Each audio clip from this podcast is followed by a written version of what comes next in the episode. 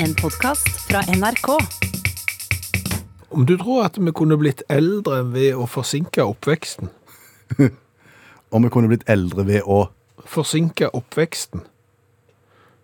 Skjønner ikke. Nei, nei, for det er jo sånn nå at vi mennesker blir jo stadig eldre. Ja, ja. Eh, Og vi har blitt flinkere til å, å bli eldre fordi at det der er leger og vitenskapelige metoder som gjør at vi kan helbrede en del sykdommer og sånn, og vi kan på en måte bekjempe forfallet eh, til det ikke er noen vei tilbake. Levealderen har vel gått opp radikalt i løpet av de siste 50 årene. Ja, ja, og, og vi har jo sikkert utsikter til å bli 130 år med, mens når vi ble født så hadde vi utsikter til å bli 45, så, så det har skjedd mye på korte tid. men, men det som er, er greia her er at jeg kom over en artikkel der en overlege og professor eh, ved Oslo universitetssykehus forteller det at kroppens aldringsprosess starter allerede i midten av 20-åra. Au! Au, tenkte jeg òg, ja. I 20-åra? Ja, I midten av 20-åra så begynner aldringsprosessen. Da begynner forfallet. Og det vi egentlig driver på med da, det er jo fra midten av 20-årsalderen, så blir vi dårligere og dårligere og dårligere, og så prøver vi å bekjempe det, sånn at vi liksom holder forfallet ved like helt til det ikke er en dag i, i morgen. Og det har vi blitt gode på. Ja, er det, men er det noen milepæler som på en måte forteller om det forfallet på veien her? Ja, ja, altså sant. I, i 30-åra så, så begynner jo hud og muskulatur å, å vise tegn eh, på aldring og, og redusert muskelkraft. Og hvis du syns at det hørtes gale ut, så er det sånn at når vi når, når 40-åra, eh, da begynner organene våre å vise tegn på nedsatt funksjon. Og når jeg leste dette, så tenkte jeg hæ? og så blir det jo liksom vår jobb for å bli eldre å prøve å bekjempe dette forfallet. Ja, Hvis en tenker at, at levealderen på en eh, norsk mann er det, er det sier 85, da. Ja, det er 85-90 år, vet du. Da betyr det at det i 60-65 år Ja. har, har det vært forfall? Ja. Det er 65 år med forfall. Ja, det er mye. Det, det er trist. Ja. Og det var da jeg tenkte om det da kunne være mulig å heller forske på noe annet. Ja. Altså litt, litt sånn at istedenfor å prøve å bli eldre etter forfallet, der er vi jo blitt ganske gode allerede. Mm. Og om vi da kunne bli eldre ved å forsinke oppveksten. Altså vi, vi Du kan drar... ikke bli født før du er født. Nei, nei, men vi drar oppveksten lenger ut. Istedenfor at forfallet da begynner når vi er 25, så begynner forfallet når vi er eksempel 35. Vi kjøper oss ti år i den første enden istedenfor i den siste. Og så pl og så plusser du på de du allerede har skaffet deg ved å forsinke aldringsprosessen, Ja, for og så får du en total. I stedet for 85, så blir du 95. Ja, for eksempel. Er ikke det genialt? altså Det betyr jo eksempel at puberteten da gjerne vil komme i 25-årsalderen istedenfor 15-årsalderen. Det vil jo gjerne virke litt rart. På, på noen. Særlig. OK. Kviser og, og, og, og, lett bart. Ja, Ja. men, men du har ikke Hvis du tenker tilbake på barn du, du har ikke savna at du hadde for få barneår. Du var ikke sånn i voksen alder tenkt vet du hva, jeg skulle vært barn mye kortere. Nei ja. Den befriende tida når du kunne gjøre hva du ville, og, og springe rundt, altså bade naken på stranden, eksempel. Med min teori nå, så kan du gjøre det frem til du er 14-15, kanskje. Men skole, da? Ja, Ja. det er 20 år i Det er 20 år i grunnskole, ja. Ja. Så når du runder 20, så skal du over i ungdomsskolen. Da skal du over i ungdomsskolen. Ja. Det er planen. Akkurat. Ja, men det, det er jo ikke... Det eneste som skjer er jo bare at vi lærer mye mer. For vi går mye lenger på skolen, og vi lærer mye mer. så, så det er jo helt eh, genialt. Og, og sertifikat, det får, sant? det får du ikke før du er 30. Nei. Og, og det er en fordel, for, for uh, unge gutter på 18 burde aldri hatt sertifikat. De kan ikke kjøre. De tror de kan, men de kan ikke. Så dette, dette løser jo en hel haug. Vi blir 150 år gamle, og så kjøper vi oss masse tid i starten der. Kritisk innspill. Må du? Liten en på slutten. Ok. Eh, du må da være far og gå på lekeplass og krype og bygge Lego. Ja. Betydelig mye lenger enn du har gjort nå. Jo, men det, jeg kjenner ganske mange på min alder som gjør det ennå, så, så det, de klarer det, så skal Ja, vi jo gjør det for andre gang, de. Ja, de gjør det for andre gang. så skal vi klare det for første. Hallo, ja. Hallais, Klingsheim! Hei, Stavanger-smurfen. Stavanger-kameratene, go, go, go. Jeg skal trege deg igjen. Håper Viking fortsetter på vinnerspor etter landslagspausen. Ja. Men du, Ja. er du interessert i litt viltkjøtt, Klingsheim? Altså, jeg heter Kvindesland, og om jeg var interessert i Viltkjøtt. Type vilt. meg og, meg og kajakken har vært på, på høstjakt. Du og naboen? Ja, ja, vi hadde høstferie, så vi kjørte sørover da. Så var vi med i et sånn et jaktlag, og så felte vi litt eh, vilt. Og så lurte jeg på om du var interessert i kjøtt, så du kan lage sånn viltgryte av og forskjellig. Ja, det kunne vært interessant, det. Um, men jeg, jeg må vite litt mer. Type kjøpt, og part av dyret osv. Det er egentlig hele dyret. Du kan få rubbel og bit, i sammen. Vilt. Spinnvilt, faktisk. Kan du si hva du, hva du har å selge? Eh, Geit. Geit. Ja. Har du vært på geitejakt? Nei. Nei. Vi var i utgangspunktet på elgjakt. Men så Så gikk det litt skeis, for å si det fint. Jeg vet ikke om du har vært med på sånn jaktlag? Det er jo et hareball av en helt av en annen verden. Jeg har ikke vært med på så gale i hele mitt liv. Det ser jo ikke ut. Nei. Nei, det er jo flatfull fra A til B, og, og, og der havna jo meg og kajakken. Ja vel. Det er ikke sikkert dette er representativt for alle jaktlag. Nei, det sier ikke jeg heller, men det var det jaktlaget vi var med på da. Og, og så skulle vi ut i skogen og jakte på elg. Ja. Og, så, Ja. ja så, så var det jo kajakken som skulle skyte, da. Og, og så ser jeg jo han litt seint. Spesielt på, på, eh, på det høyre øyet ser han veldig seint. Så han skyter jo da, så sikter han med på en måte det venstre øyet. Som ikke er spesielt godt, det heller. Så ligger vi der, og så hører vi at det braker litt i, i krattet, og så fyrer han jo av. Ja. Og så hører du bare «Bæ!» Så viser det seg jo at han har jo skjøtet en geit. Uff. Det var ikke elg. Nei, så han har jo sitt gevir på høylys dag, vet du. Ja. Så han har jo skjøt feil, da. Så, så da havna vi med geit. Jeg vet ikke hva kvoten var, men det var det eneste vi hadde med oss hjem. Uff. Vet du hva som er rart? Nei. Vi kom der, så samles vi på tunet da før vi skulle ut og jage elg. Eller geit. ja. Og, og så har jo folk på seg sånn militærgrønne bukser og kamuflasjejakker og alt sånn. ja, det er fordi at ikke du skal bli sett der ute av dyra. Ja, det tenkte jeg òg. Og så tok de på seg røde huer og refleksvest. Oppå der, ja. Oppå der! Så de kler seg i kamuflasjeklær for at ingen skal se dem, og så tar de på seg refleksvest og røde huer for at alle skal se dem. ja. Men det er jo fordi at ikke de skal skyte på hverandre, det. Ja, det er jo det. Ja. Og da tenker jeg, er det trygt å gå på jakt? Altså, hvis du ser i siktet ditt, og ser noe som er militærgrønt og kamuflasjekledd, så er ikke det elg. Nei. Nei. Det er ikke hjort heller. Nei. Og det er iallfall ikke geit. Og da må du ikke trekke av. Altså, Hvis det er nødvendig å ta på seg refleksvest og røde huer for ikke å bli truffet av de andre som er på jakt Vet du hva, det er siste gang jeg er med.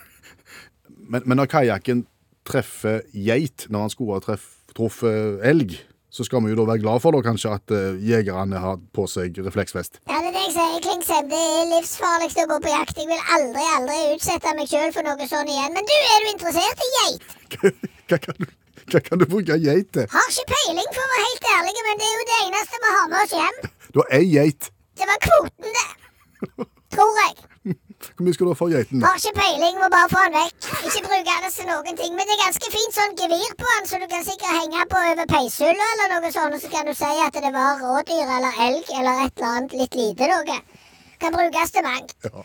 Kan sikkert selge den til Kina også som potensmiddel. De vil ha alltid. Så det er, det er potensial her hvis du bare våger å satse på geit. OK. OK, snakkes! Ha det. Et ord som eh, vi ikke hører ofte, men som vi har hørt veldig mye i det siste, det er jo livlege. Det er livlege, ja. Ja. Er det det samme som fastlege? Altså, du tenker at det er en egen, egen livlegeordning? Ja, jeg, jeg tenker det. Altså, for, for vi får jo høre det, det er jo kongen har vært inoperert, og og han har jo vært og besøkt eh, livlegen sin. Det, det må jo da være fastlegen det til, til kongen. Antageligvis, ja. Ja, og, og da lurer jeg på om det er det samme, om liksom kongen må søke da, eventuelt hvis han er misfornøyd med livlegen, at han liksom går, du kan jo søke om andre fastleger. sant? ja du må du gå, inn på, på en nettside, sånn bytt livlege. Ja, og, og gjerne bytte til det, eller, altså, ikke? Ikke, ikke sikker på det. Nei, men eh, det er jo sånn at når kongen er syk, så går jo han da til, til sin fastlege. Som er livlege. Ja, som er livlege. Ja. Og, og sikkert det samme reglene som gjelder for han som legger, gjelder for de andre. at Hvis han føler seg litt pjusk, mm. så skal du først ta kontakt med fast li, liv, livlegen. Før du eventuelt, hvis ikke liv, fastlegen kan ta imot deg, eh, så kan du gå til legevakten. Stemmer. Men du må først ta kontakt med fastlegen, Ja. og så kan du eventuelt gå videre hvis det ikke er plass der, og det er akutt, eksempel. Tenker du at du kunne tenkt deg en livlege? Høres jo utrolig tøft ut hvis det er det samme som fastlege. Eller kanskje det bare da er en fastlege som du har et litt bedre forhold til. Ah, OK. Altså, for det, det er jo sånn, er jo en fastlege er jo fastlege for veldig mange, Ja. men det er jo de aller færreste for eksempel da som har vært ute og spist middag med fastlegen sin, for eksempel, eh, som noen av oss har. Ja. Eh, og det er kanskje da er du gjerne en etasje opp, at du har et litt sånn nærere forhold til, oh, ja. til fastlegen, sånn at han, han på en måte gjerne blir mer livlege enn, en, ja, At ja, skjønner. altså det er fastlege pluss, hvis du skjønner. Ja. Kunne du betalt en liten skvett ekstra for å være Ja, det er klart det at når du først har fått frikort, så kan du få eventuelt påpluss på frikortet. For 500 kroner ekstra. Hvor mye var de skrev det opp med da? Det var 500 lapp eller noe sånt. Ok, jeg legger 1000 på bordet, så går jeg fra fastlege til livlege. Ja, du tror det. En livlege er en personlig lege for en høytstående person, eksempel konge, president, pave eller politiker. Ja, det er jo fastlege da. Ja, det er jo det, for så vidt. Men livlegen står ansvarlig for sin pasients helse og må være tilgjengelig døgnet rundt. Ja, litt som fastlegen og legevakten sammen da. Ja, det kan du si. I Norge har kongen egen livlege, det vet vi. Ja, okay, men det er jo fastlege da. Det er jo egentlig... Jeg skal jo ikke være tilgjengelig døgnet rundt fastlege. Ja, men altså, tror du at kongen ringer sånn? Ja, ja, det er mulig. Når han har fått frikort, så, så ringer han... Ja, for det er det, for da er det gratis etterpå, vet du. Når du har fått frikort, så kan du besøke legen så ofte du vil. Men tror du kongen, eller altså livlegen også har sånn telefontid bare mellom åtte og halv ni på morgenen, og så kan du få sånn akuttime? Kun det. Jeg vet. Men les den definisjonen en gang til. Personlig lege for høytstående person, Ja. eksempel konge, president, pave eller politiker. Ja. Står ansvarlig for pasientens helse og må være tilgjengelig døgnet rundt. Ja. Altså Hvis du ser vekk fra det døgnet rundt der, så er det jo fastlege. Det eneste er at det, da ligger jo ikke Du er fastlege for noen prominente, ergo så er det de prominente som gjør deg til livlege. Du er egentlig fastlege, men så er du så heldig da at du har en eller annen prominent person, person, og da rykker du opp til å bli livlege. Ja. Så hvis at jeg blir prominent nå, så vil min fastlege bli min livlege. Og da kan du jo gå ut og spise med Da kan jeg gå ut og spise med med god samvittighet. Jeg er bitte litt skeptisk nå. Fordi når vi har en gjest i studio som insisterer på å snakke om en sak som allerede har vært omtalt mange ganger, senest i Nytt på Nytt sist, så blir jeg litt skeptisk. Og saken er Eh, Saken er begravelsesbyrået som ga gratis begravelse til de 20 første. behørig omtalt. Ja. Og så kommer altså vår faste mandagsgjest Olav Hove, allmennlærer med tovektig musikk, og insisterer på å snakke om nettopp denne. Hvorfor det? Fordi at dette her er jo blitt sett på som litt sånn krenkende, og at det vil slå imot begravelsesbyrået, og at dette her er en feil måte å promotere på. Ja. Og det er det jo ikke. Det er ikke det, nei. Nei, nei, nei. Fordi at eh, det er en, det er en regel som sier, jeg fant den på nå, men det er noe så eh, at eh, så lenge du promoterer, så går det bedre. All reklame er god reklame. Ja, og her har jeg eksempel på. Og jeg vil gå til én sektor, og det er baseball på lavere nivå i USA. Der er de gode på akkurat det der. Og, og dette her med begravelse altså eh, eh, Hagerstown Sons i Maryland de har jo gjort dette her allerede. I 2003 så hadde de et begravelsesbyrå som kampsponsor. Og eh, da kunne du vinne på kampbilletten gratis begravelse til en verdi av 70 000 minus stein. da. Eh, du, kanskje, du måtte også skrive et essay som skulle hete 'Min favorittbegravelse'. Og en fan på 92 vann, så det var jo, det var jo Ja, men det var ikke noen sånn utløpsdato på han, så det var ikke, du hadde ikke dårlig tid. Nei, Nei? nei, nei, nei, nei. Så det var en gladsak. Når du er 92 og vinner der, så har du på en måte Da kan du slappe av. Eh, og så har du eh, f.eks. Lowell Spinners skulle spille hjemme mot Aberdeen Ironbirds den 17. juli i 2016. Nå er du fortsatt på baseball på Ja, lavt ja, nivå. ja, ja, ja. Kom jo, så den dagen kom jo da samtidig som 50-årsjubileet for bobleplasten. Eh, og dermed så ble det et bobleplastkveld eh, på denne her kampen.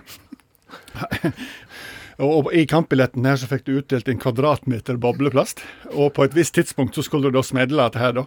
Og kom i Guinness rekordbok og greier for største simultan bobleplastsmelling eh, noensinne. Og folk som hadde vært født på samme dato da som, eh, som bobleplasten, eh, de ble tatt opp i pausen, og så danste de eh, på et bobleplastdansegulv, og det var stor stas. 7500 kom i ny publikumsrekord. Perfekte greier.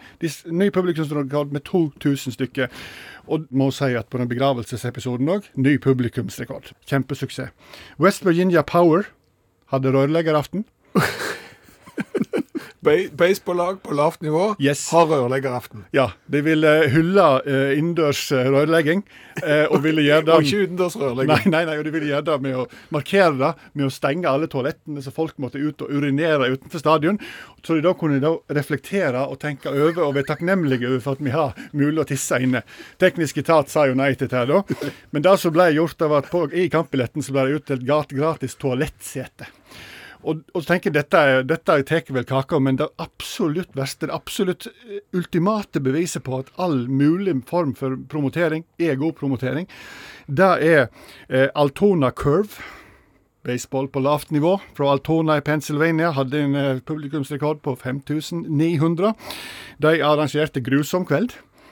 Eh, og det var altså De skulle ha en, la publikum få en verst mulig opplevelse. De hadde fått David Hasselhoff til å kauke inn i høyttaleren hele kvelden under kampen. Altså skuespilleren fra Baywatch. Yes, han kauka og skreik. Eh, og de tusen første som kom til kampen, de fikk et innramma bilde av daglig leder Todd Parnell sin nylig fjerna galleblære. Eh, og, og Kamplotteriet, der det var førstepremien og eneste premien, det var samme galleblæra på sprit. Hva skjedde? Publikumsrekord. Publikumsrekord 7500. Så kjør på, eh, begravelsesbyrå.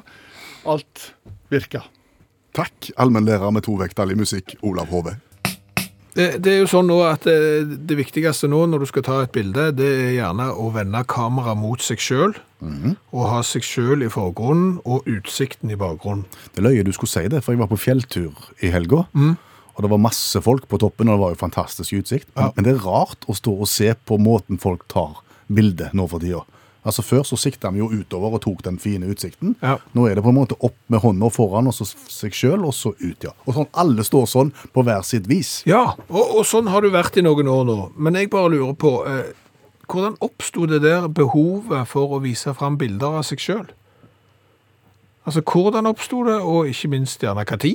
Ja, altså Det oppsto nok før mobiltelefonen, vil jeg tro. Ja, men ja, jeg tror, jeg tror det oppstod, jeg tror det oppsto lenge før mobiltelefonen, men så tror jeg det var no- no- noen mørke hundreår der, der det ikke var så populært igjen, før det da plutselig teknologiske, det, det teknologiske utviklingen gjorde at det plutselig ble inn igjen. Dette ble vanskelig, ikke sant? Ja. Men du, det, altså, det oppsto for lenge, lenge siden før mobiltelefon og før eh, elektroniske dippedutter? Ja, ja, før kamera i det hele tatt. Ok. Ja, fordi at folk malte jo bilder av seg sjøl. Selvportrett? Ja! ja. Og selvportrett datidens selfie? ja jeg, jeg, det er bare et skudd fra hofta her, men, men jeg vil jo tippe det, fordi at det, det må jo ha vært et eller annet behov for å male bilder av seg sjøl, og jeg kan liksom ikke forestille meg der at eksempel der er en rik mann der som har ja, la oss si par-tre døtre. Hun ene heter Mona Lisa, for eksempel, og så det vil jo gjerne være naturlig å spørre Leonardo da Vinci. Du, du kunne ikke tenkt deg å malt et bilde av hun, jeg skulle ha det oppe på konfirmantveggen sammen med de andre ungene. Og så trekker Leonardo litt på det, liksom, jo da, jeg kan det, jeg skal bare gjøre ferdig et annet bilde jeg holder på med. Å ja, hva det da du maler? Nei, jeg maler meg sjøl. Maler deg sjøl? Ja, hva da for? Altså, hvorfor oppsto det der behovet for å male bilder av seg sjøl? Ville du Nei, Altså, Tar du selfie, så er det jo på en måte litt fort gjort.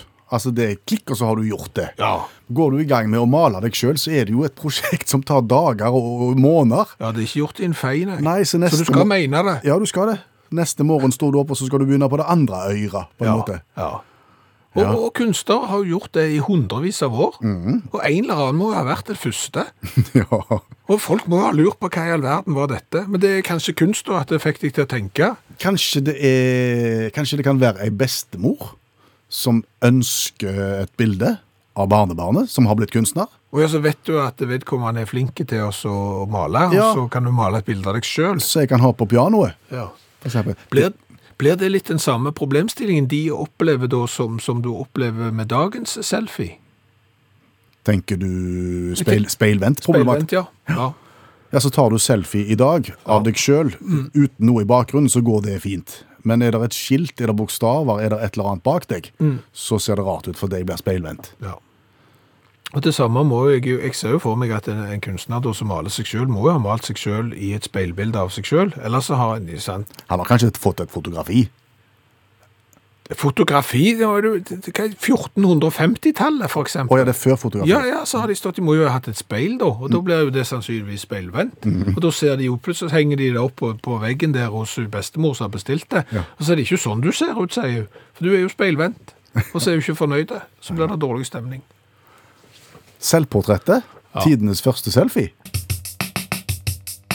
Hvor stor sannsynlighet tror du det er for at det er veterinær eh, som hører på utakt akkurat nå? Jeg tror sjansen er stor. Altså, det, det, altså, det er et voldsomt bredt spekter blant Utakt sine lyttere. Ja. Så jeg kan nesten garantere at det er minst én veterinær som sitter og, og hører Utakt nå. Ok. Eh, En veterinær som er villig til eksempel å sende en SMS til 1987 etterpå og starte meldingen med utakt for å eventuelt bekrefte eller belyse det som nå blir tatt opp. Hvis veterinæren har tid, Ja, og etter tid det kommer eh, en, en skadet et eller annet inn fort, en stut. hva som helst, Ja. så tror jeg at vi kan få svar på det. Ok. Eh, SMS til 1987, ja. Start meldingen med utakt, for nå har det nemlig skjedd igjen. Hva er det som har skjedd igjen? Jeg har sett film. Ja, det skjer rett som det. Jo, jo, men, men nå har jeg sett en film på Netflix, eh, veldig populær film på Netflix, eh, ligger helt høyt oppe på listene, og de mest sette filmene på Netflix, nå har jeg satt Netflix mange ganger, den heter da Project Power. Hva har det med veterinæren å gjøre? Da er det en som blir skadet, og havner da hos veterinær. Ikke hos lege? Nei, nei, nei, nei. Og det er noe der med, med at eh, en kjeltring i, i film, når han blir skutt, eh, stukket med kniv, eh, grisebanka, et eller annet, trenger å bli lapt sammen, så havner de fort hos veterinær.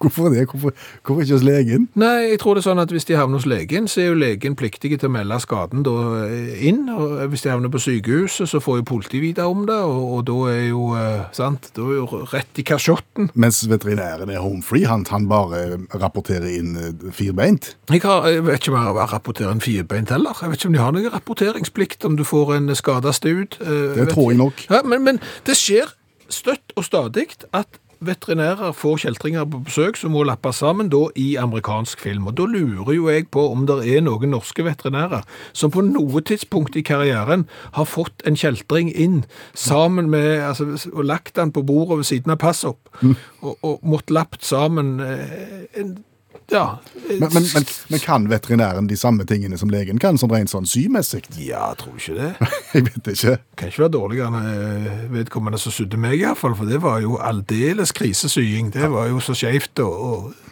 har jo arr etterpå, så det kan ikke være dårligere enn det. Og de har jo gått på, på legestudier, så jeg tenker veterinæren de syr jo både pudler og dags. Så de kan sikkert sy hva som helst, de, hvis det kommer inn en eller annen med en sånn stikkskade eller noe sånt. Men har du, hva, hvordan reagerer veterinærene i film? Gjør de det motvillig? Blir de, blir de presset? Ja, de blir pressa, ja. Ja, Ja, det står en, det står en sånn streng en i, i, gjerne i singlet med, med stor overkropp og ser strengt på de. Ja. Eller, ellers er det jo da en sånn en eh, kjeltring helt da, som, som igjen liksom, du, du skjønner, å ja, mm, du kjemper en kamp mot det onde, ja, da skal jeg lappe deg sammen, Nettopp. ingen problem. Okay. Skal bare gjøre ferdig, pass opp her først, så takk. tar. Fikser deg etterpå. Er du veterinær? Eller kjenner du noen? Ja, Og har opplevd akkurat dette her? Ja. En SMS til 1987 og start meldingen med utakt. Ja, du kan jo avkrefte det òg. Altså, hvis, hvis det faktisk aldri i tilfelle har aldri skjedd, og jeg har vært med i Veterinærforeningen Har de Veterinærforeningen? Ja, antageligvis. Ja, har vært Veterinærforeningen i årrekke og aldri hørt om noen som har latt sammen en eneste kriminell, så, så er det òg viktig informasjon i denne sammenhengen.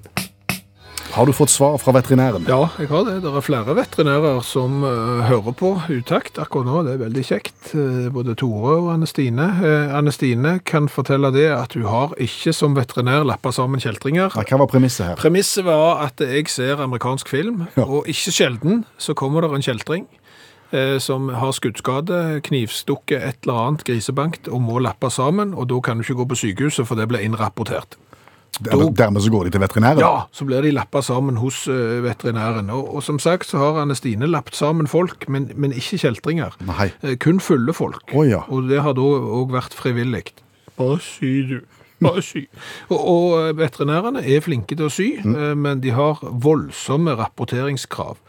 Så det er ikke sikkert at hvis du nå har en skuddskade eller er knivstukket eller et eller annet, at du skal ta turen til nærmeste veterinær likevel. Vil ikke anbefale det i det hele tatt. Nei.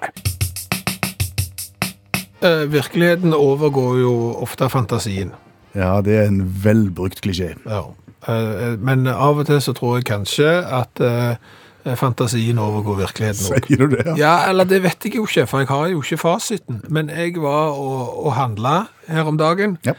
Utrolig kjedelig inngang. Ja, Hvem tenker- er det som gidder å høre på at jeg var og handla? Nei, det bør fort bli interessant dette. Ok, men da kan jeg jo gjøre det litt interessant med å si at i den ene delen av butikken så er det matvarer, og i den andre delen så er det byggvarer. Mm. Det er mar du- marginalt mye Jo, men sant, du kan kjøpe deg pølse, Ja, og så kan du kjøpe deg stikksag. akkurat. I en og samme I en på en måte under ett og samme tak. Det er jo litt interessant.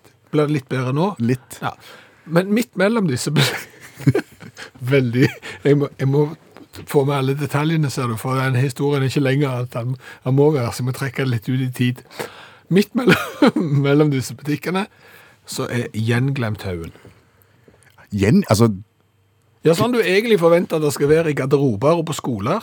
ja, og sånn, sånn hittegods, ja, skjerfet mitt og, og vottene mine og sykkelhjelmen. Ja, riktig. Og, og der lå jo de velkjente gjenglemte tingene, som hansker, lue, Skjerf. skjerf ja, og, og som bøff. Det er sånn som folk har hatt på seg når de har kommet inn i butikken, og så har de tenkt, åh, her er det varmt. Ja. Og så har de bare lagt det fra seg, og så har de glemt det, og så har det havnet der. Ja, de har dratt fra minibankkortet når de skal betale i kassen, sant? tatt av seg hanskene, og vips så ligger hanskene i gjenglemten, selv om det egentlig ikke er hanskevær ennå, kanskje i store deler av Norge. Nå har jeg begynt å dra historien veldig langt i tid, merker du det? Hvorfor snakker vi om dette? Fordi at det da lå noe som jeg ikke forstår hvorfor lå i gjenglemten. Ok, Det må jeg si, jeg ble veldig overrasket, og jeg fikk bilder inn i hodet som jeg tror er bedre enn virkeligheten. noen har glemt noe i, i- i butikken, Ja. som er oppsiktsvekkende at det går an å glemme. Ja. Og det var Joggesko. Størrelse 45 eller 46, de var kjempestore. joggesko. Ja, og de var relativt nye. De var ikke ubrukte, de var ikke flunk nye, men de, de var heller ikke gamle og utrangerte. De kunne ikke vært kjøpt i den butikken som har stikksag og pølser. Nei, for de har ikke joggesko. Nei. De selger ikke det. Nei, du må velge om du skal ha smågodt, eh, pølse, eh, brus eh, eller kjøttdeig. Jeg kan- gå gjennom hele varesortimentet hvis du trenger. Eller om du vil ha stikksag, rotterumpe, vet ikke hva forskjellen er, videre. Men her har noen altså lagt igjen sine joggesko, størrelse 45 eller 46. Ja. Og bildene i hodet, jeg, jeg skjønner hvor du vil hen. Hvordan klarer du det? Altså Her er det mange ting som ikke stemmer. Det ene er jo den der at du går ut av butikken og føler at du har glemt noe, men du klarer ikke helt ta hva det var. Det er litt kaldt og litt vått på beina, men Ja. Setter meg i bilen, det føles litt rart når jeg trør en kløtsje nå, men jeg vet ikke helt hva det er. nå forutsetter du at vedkommende hadde de på seg da han gikk inn i butikken, og at han hadde tatt de av seg inn i butikken Ja, men og det glemt de. det blir jo ikke bedre om han ikke har hatt Eller ja, det må være en han siden de er 45 eller 46. Det blir jo ikke bedre om du ikke har hatt de på deg. Da har han hatt de med seg, da. Ja, men altså, Hvorfor går du da inn i en butikk som enten selger pølser eller stikksag, og har med deg joggesko som du ikke har på? Nei. Altså, Hva er det du skal oppnå for noe? Kanskje han skal på trening? Han skal bare kjøpe stikksag først. Jo, men hvorfor Altså, da har du Nei, det går, Nei. det er ikke logikk her. Nei, det ikke det, dette, dette får vi ikke svar på, men det, det blir rart uansett. Hvis du har en eller annen teori om hva som kan ha skjedd, så del den gjerne med oss. Eventuelt så kan du jo sende en SMS om, om andre ting du sannsynligvis kunne tenkt deg å kjøpe i en butikk som har både matvarer og, og byggvarer. Har du lyst til å høre om en papegøye?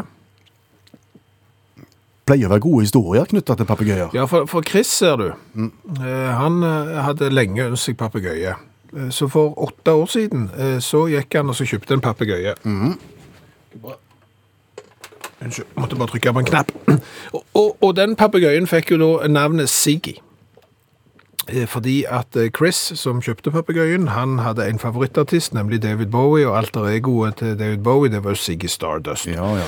Så da kjøpte han den papegøyen, og den papegøyen likte også David Bowie, fordi at et av favorittsyslene til papegøyen Siggy, det var nemlig å synge Let's Dance. At David Bowie-slagere. Ja, ja, så når han fikk høre den på popanlegget, så var det Put on your red shoes and dance the blues, sang papegøyen. Og i tillegg til å imitere David Bowie, så kunne han eh, imitere vanlige lyder, sånn som eksempel når det ringte på. Sånn ding-dong, telefonen som ringer, det der plinget du får når mikroovnen er ferdig. Alt det kunne Siggy. Alt, alt det kunne han. Eh, Så, så denne her papegøyen var jo kjekt selskap. Vet du hva dette minner meg om? Nei. Jo, det vet jeg jo, jeg vet hva du mener. Ja. Ja, vi hadde besøk av en papegøye i studio for en del år siden. Mm. Vi ble fortalt at det var papegøyen som eh, kunne snakke noe helt voldsomt. Og det, det han var spesielt god på, det var å skjelle ut folk. Ja. Så, så med, med, med grov, grov munn. Mm. Det tenkte vi var kjempegod radio, så vi inviterte både da eier og papegøye. Ja. Og vi satt vel i ca. ti minutter og venta på at papegøyen skulle si noe som helst. Ja. Det gjorde han ikke. Sa ikke et ord. Ikke et ord. Utrolig dårlig radio. Veldig svakt. Ja. Eh, Men nå skled det ut. Ja. Eh, Vi må tilbake til Siggy. Eh, For, for det som jo da skjer, er at Chris, i tillegg til å ha papegøyen Siggy, eh, klarer jo da å få seg kjæreste. Se det. Susi. Ja vel. Så du har Chris, Siggy og Susi her. Eh, Et skikkelig triangel. Ja. Og så er det sånn at når Susi sin telefon ringer, Ja. så begynner papegøyen å si Hei, Gary. Ja vel. Og det er jo litt grann rart, siden eh, kjæresten til Susi heter da Chris. Eh, Jaha. Ja. Og, og, og, og da så eh, begynner papegøyen å si I love you, Gary. Når telefonen ringer. Ja, når hun liksom snakker til så, så det blir jo litt rart da. Og da begynner jo eieren her, eh, Chris, å så fatte bitte litt grann av mistanke. Hva er det som skjer? At hver gang telefonen eh, til, til Susi ringer, så sier papegøyen eh, Hei, Gary, da i et stemmeleie som etterligner Susi. Ja. Ja. Så da må jo Chris konfrontere Susi med hva Sigge har sagt. og, og hun innrømmer da at hun i fire måneder har hatt en affære med Gary. Jøss. Så dermed så er det en papegøye som avslører da utroskap. Spesielt.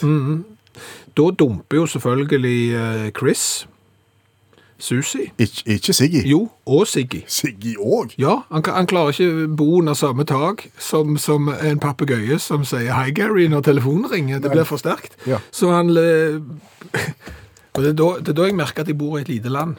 Fordi at eh, Chris leverer jo da inn papegøyen til en lokal papegøyeforhandler. Ja vel.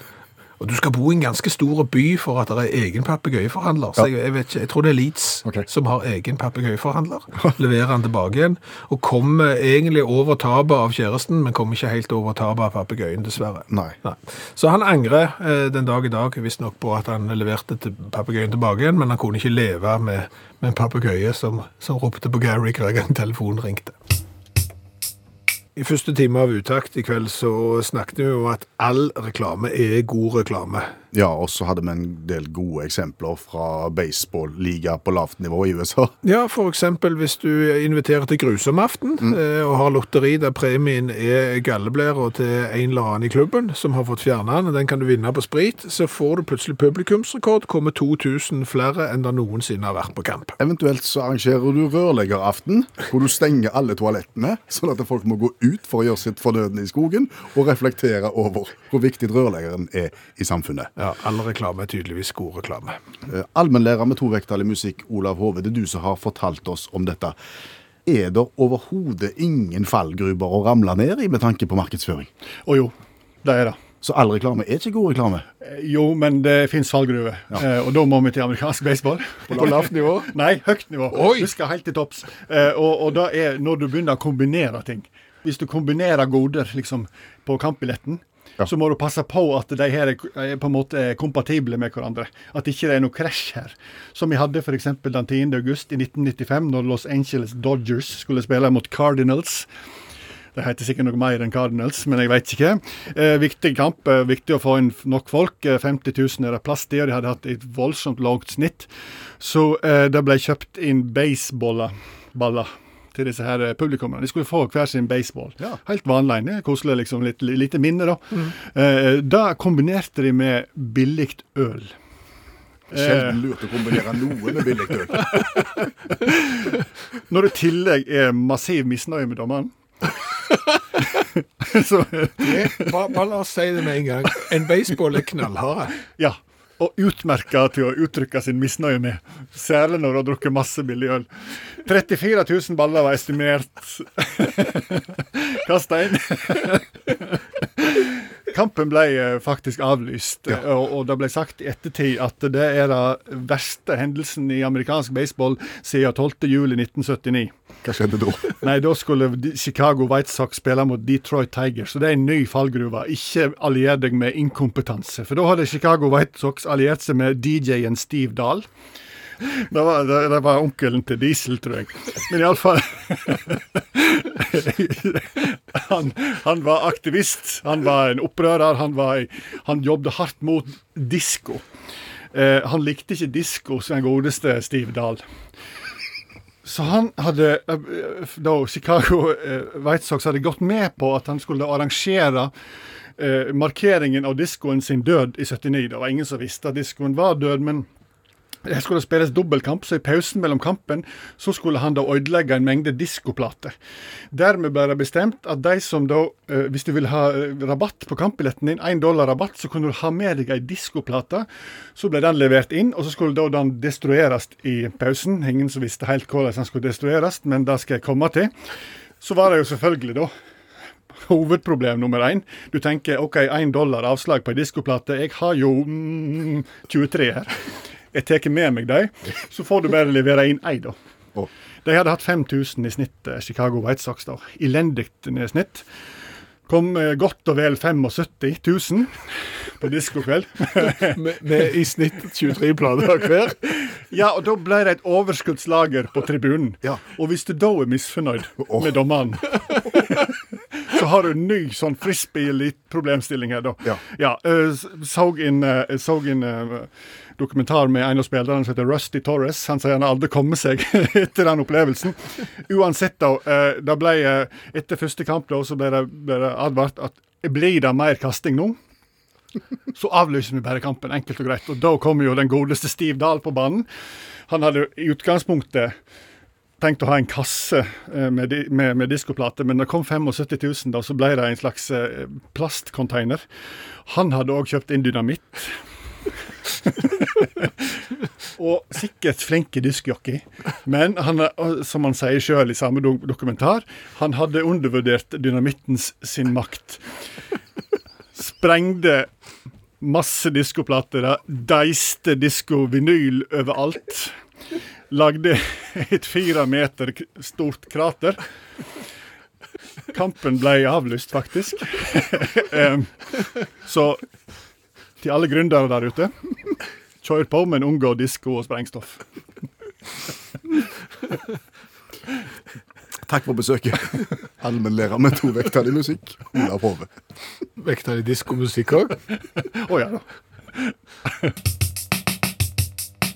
Du, i mange, mange år har vi nå testa cola-varianter fra hele verden. Vi nærmer oss vel 300 nå i, i, utstillingen vår. Og for tre år siden så testa vi da Ice Cola fra Kambodsja. Nøyaktig for eh, tre år siden nå. Og den Skal vi teste en gang til? Ja, det har vi aldri gjort før. Nei. Retesting er ikke akkurat vår. Nei, nei, men det, men det er jo eh, Altså, du er jo journalist, jeg er jo fotograf. Eh, og, så dette er jo grundige, kritiske journalistikk vi nå skal bedrive. Det er grundige, kritiske journalistikk ovenfor oss sjøl, faktisk. Ja, for det som har skjedd siden sist Altså, vi smakte jo denne her colaen fra Kambodsja i 2017, som sagt. Ja. Det er andre som har testa den òg. Ja, altså du kan si vi ga den midt på treet. Ja. Du ga seks Av ti. og jeg ga virkelig midt på treet. Fem av ti. Det, var, det var ikke en cola som var mer enn det måtte være. Nei. Nei. Det som har skjedd nå, eh, faktisk nylig, Ja. det er at eh, noe som heter Monde Selection. Ja. Hva er det for noe? Altså det er et sånn et kvalitetsinstitutt som tester da matvarer og forskjellige ting fra hele verden. Ja. Annet øl, vann og brus. Ok, Og dette er ikke, dette er ikke tøys, dette er fagfolk. Dette, dette er fagfolk. Altså, det er 80 internasjonale velkjente eksperter eh, som sitter i dette utvalget her. Når de da skal teste f.eks. brus, så har de 25 parametere de må gå gjennom Ja. eh, for å finne ut hvilken brus som er god. Eh, det er da en gruppe på åtte eksperter under ledelse av en, ju, en juryformann. Og når de da konkluderer med noe, eh, så gir de da medaljer. Akkurat. F.eks. For eksempel i år så har de da gitt eh, gullmedalje. Ja. Til Ice Cola fra Kambodsja. Akkurat.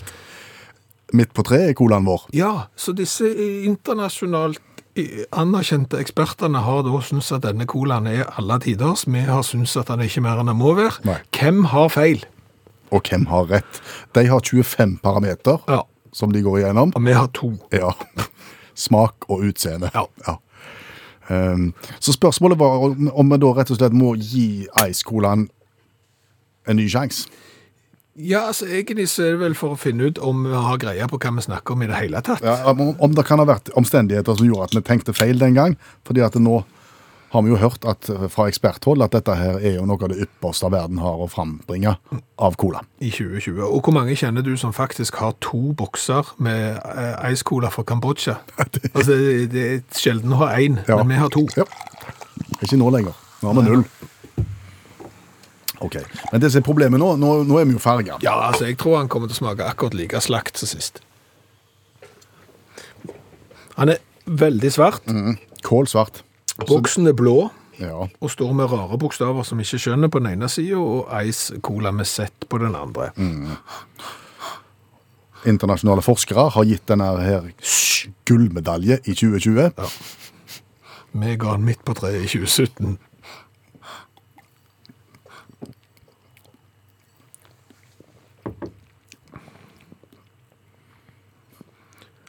Han er jo fremdeles ikke mer enn han må være, for det, han smaker jo ingenting. Jo, jeg, vil, jeg, vil, jeg, jeg kjenner på at jeg tenkte kanskje at den skulle fått litt bedre. jeg.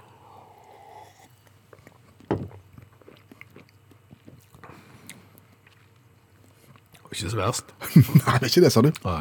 Han er ikke det. Der er, der er mye med han, sa du. Kan det være det at den eh, første vi smakte på, den var i plastikkflaske, den er i boks?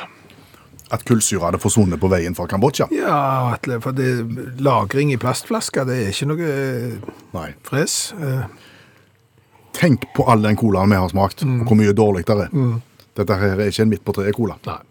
Slett ikke. det er ikke det. Det er en åtte i smak, faktisk. Det er knefall, dette her. Du merker det. Snakker meg om å krype til alle kors i hele verden. Ja.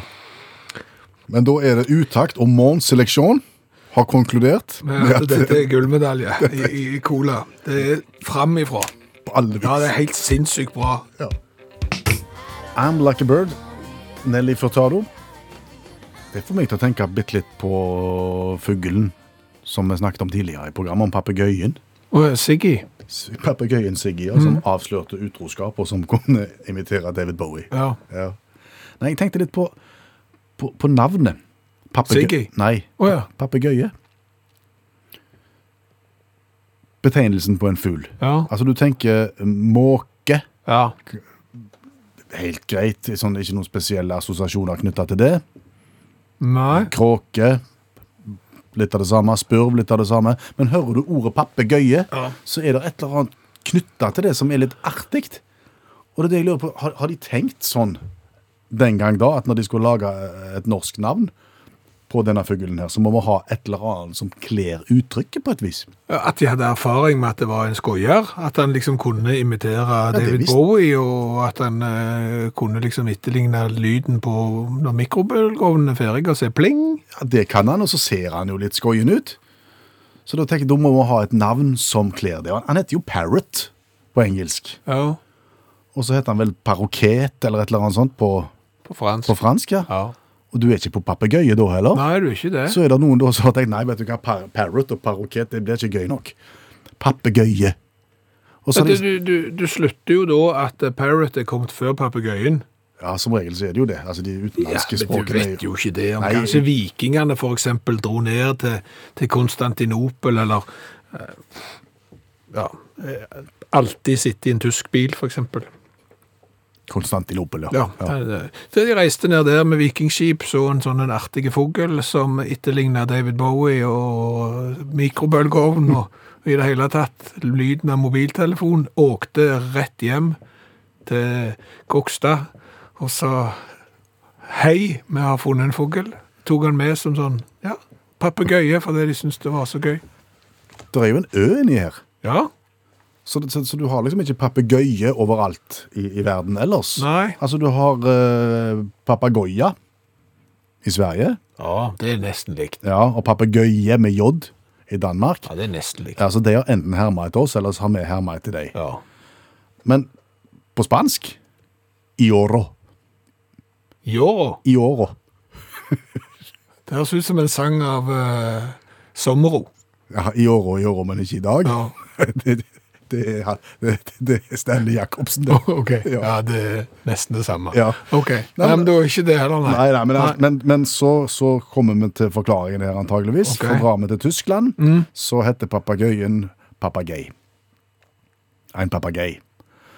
Og vi vet jo at det meste av det språket vi snakker her, stammer fra Lavtysk. Det er sånn, hvis du nå skal være med i spørrekonkurranse og får uh, vite uh, hvor er spørsmålet er hvor er opprinnelsen til det og det og det og det og den ordet, uh, så svarer du, hvis du ikke vet det, så svarer du lavtysk, og du kommer til å ha rett i ni av ti tilfeller. Ja. Så da er det sikkert papegøye fordi at det er fra lavtysk. Det som jo, og det kan jo for så vidt stemme. For dette tyskerne har jo kolossalt dårlige form for humor. Altså, du har ikke sett ett eneste gøy tysk TV-program, så du har sittet og ledd deg i hæl av. Altså, bortsett fra en mann som springer rundt og eksempel i korte bukser og jodler, men det er jo gøy mer på grunn av enn på tross av, videre, hvis du skjønner. Så jeg tror jo det, at de har så lave terskel for hva som er gøy, at bare det er en fugl som kan eh, lage lyden til en mikrobølgeovn, og David Bowie, så er det gøy med en gang. Ja. Papegøy. Akkurat. Men da har vi det, da. Ja, men det kan ikke bli tydeligere enn det. Hva har vi lært i kveld? Åh, mye. Vi har jo annet lært noe som egentlig er litt trist, eh, men det er jo at kroppens aldringsprosess starter allerede i midten av 20-åra. Ja, Vi har jo ikke følt på det før vi runda 45, men det har altså vart lenge. Ja, det har jo det, og, og fra 25 år fram til vi avgår med, med døden, kanskje vi er så heldige å bli 90, så du, du bruker 65-70 år av livet ditt på å prøve å hindre dette her. Og sånn er det. Ja. Så har vi jo lært det at en livlege er jo for så vidt en fastlege. Ja, på en måte. Ja, altså En livlege er en personlig lege for en høytstående person, f.eks. en konge, president, pave eller politiker. Så det er jo på en måte fastlegen til da kongen. Forskjellen er jo at livlegen står ansvarlig for pasientens helse og må være tilgjengelig døgnet rundt. Mm. Så han er både legevakt og fastlege på en gang. Ja, eh, men det er jo noen som behandler fastlegen sin som om det er en livlege, og tror at han er tilgjengelig døgnet rundt. Eh, Så sånn sett er det jo eh, kanskje sammenlignbart. Eh, Så mulert det at Mont Selection Ja, det er på en måte en samling eksperter som tester mat og drikkevarer og kosmetikk. Ja, og, og, og de har greie på hva de driver på med. Eh, De testa en cola i år og ga en gullmedalje. En cola som vi testa i 2017 og ga midt på treet. Ja, Så derfor måtte vi teste den igjen i dag. Og da viste det seg at han var nok litt bedre enn vi hadde tenkt. Mye. De har virkelig greie på det de driver på med. Så Ice Cola fra Kambodsja, unnskyld, kjempegod. Eh, Så har vi lært det at du skal ikke kombinere billig øl og gratis ball. Nei, det har vist seg på baseballkamp på lavt nivå i USA. Ja, da delte de Det var ikke lavt nivå engang. De delte ut én baseball til hver av tilskuerne, mm. og hadde billig øl i tillegg. Eh, Det var 45 000 på tribunen, og det var vel 37 000 av de ballene som havna på banen, for dommeren var ikke god. Nei. Så ble den kampen avblåst. Ja. Så har vi jo lært at i amerikansk film så er det jo svært mange veterinærer som får besøk av eh, kriminelle som må lappe sammen. Ja, for det er litt enklere å gå til veterinæren enn til legen. Ja, for det blir ikke rapportert sånn i filmer og sånn. Men det skjer alltid i amerikanske filmer. Men eh, norske veterinærer som hører på utakt, kan ikke bekrefte den samme tendensen i Norge. Har ikke skjedd. Eh, Tore har tatt ut fiskekrok av låret til presten etter at sønnen til presten fikk pappaen på kroken. Se det, ja. Eh, Det er jo greit, mens Anne Stine, som òg er veterinær, har lappa sammen fulle folk. Men ikke Ikke kjeltringer. Nei, okay. og, og hun er veldig flink til å sy. Enten det er puddel eller, eh, Ja. Eller berusa mann. Eh, det har vi lært eh, i dag. Eh, og så har vi jo lært helt til slutt at hvis du finner joggesko i gjenglemtavdelingen i en butikk som både selger matvarer og stikksag, så kan det være at du har vært i stikksagbutikken for å kjøpe vernesko og glemt joggeskoene når du da skulle inn og kjøpe pølser i matbutikken. Du har hørt en podkast fra NRK. Hør flere podkaster og din NRK-kanal i appen NRK Radio.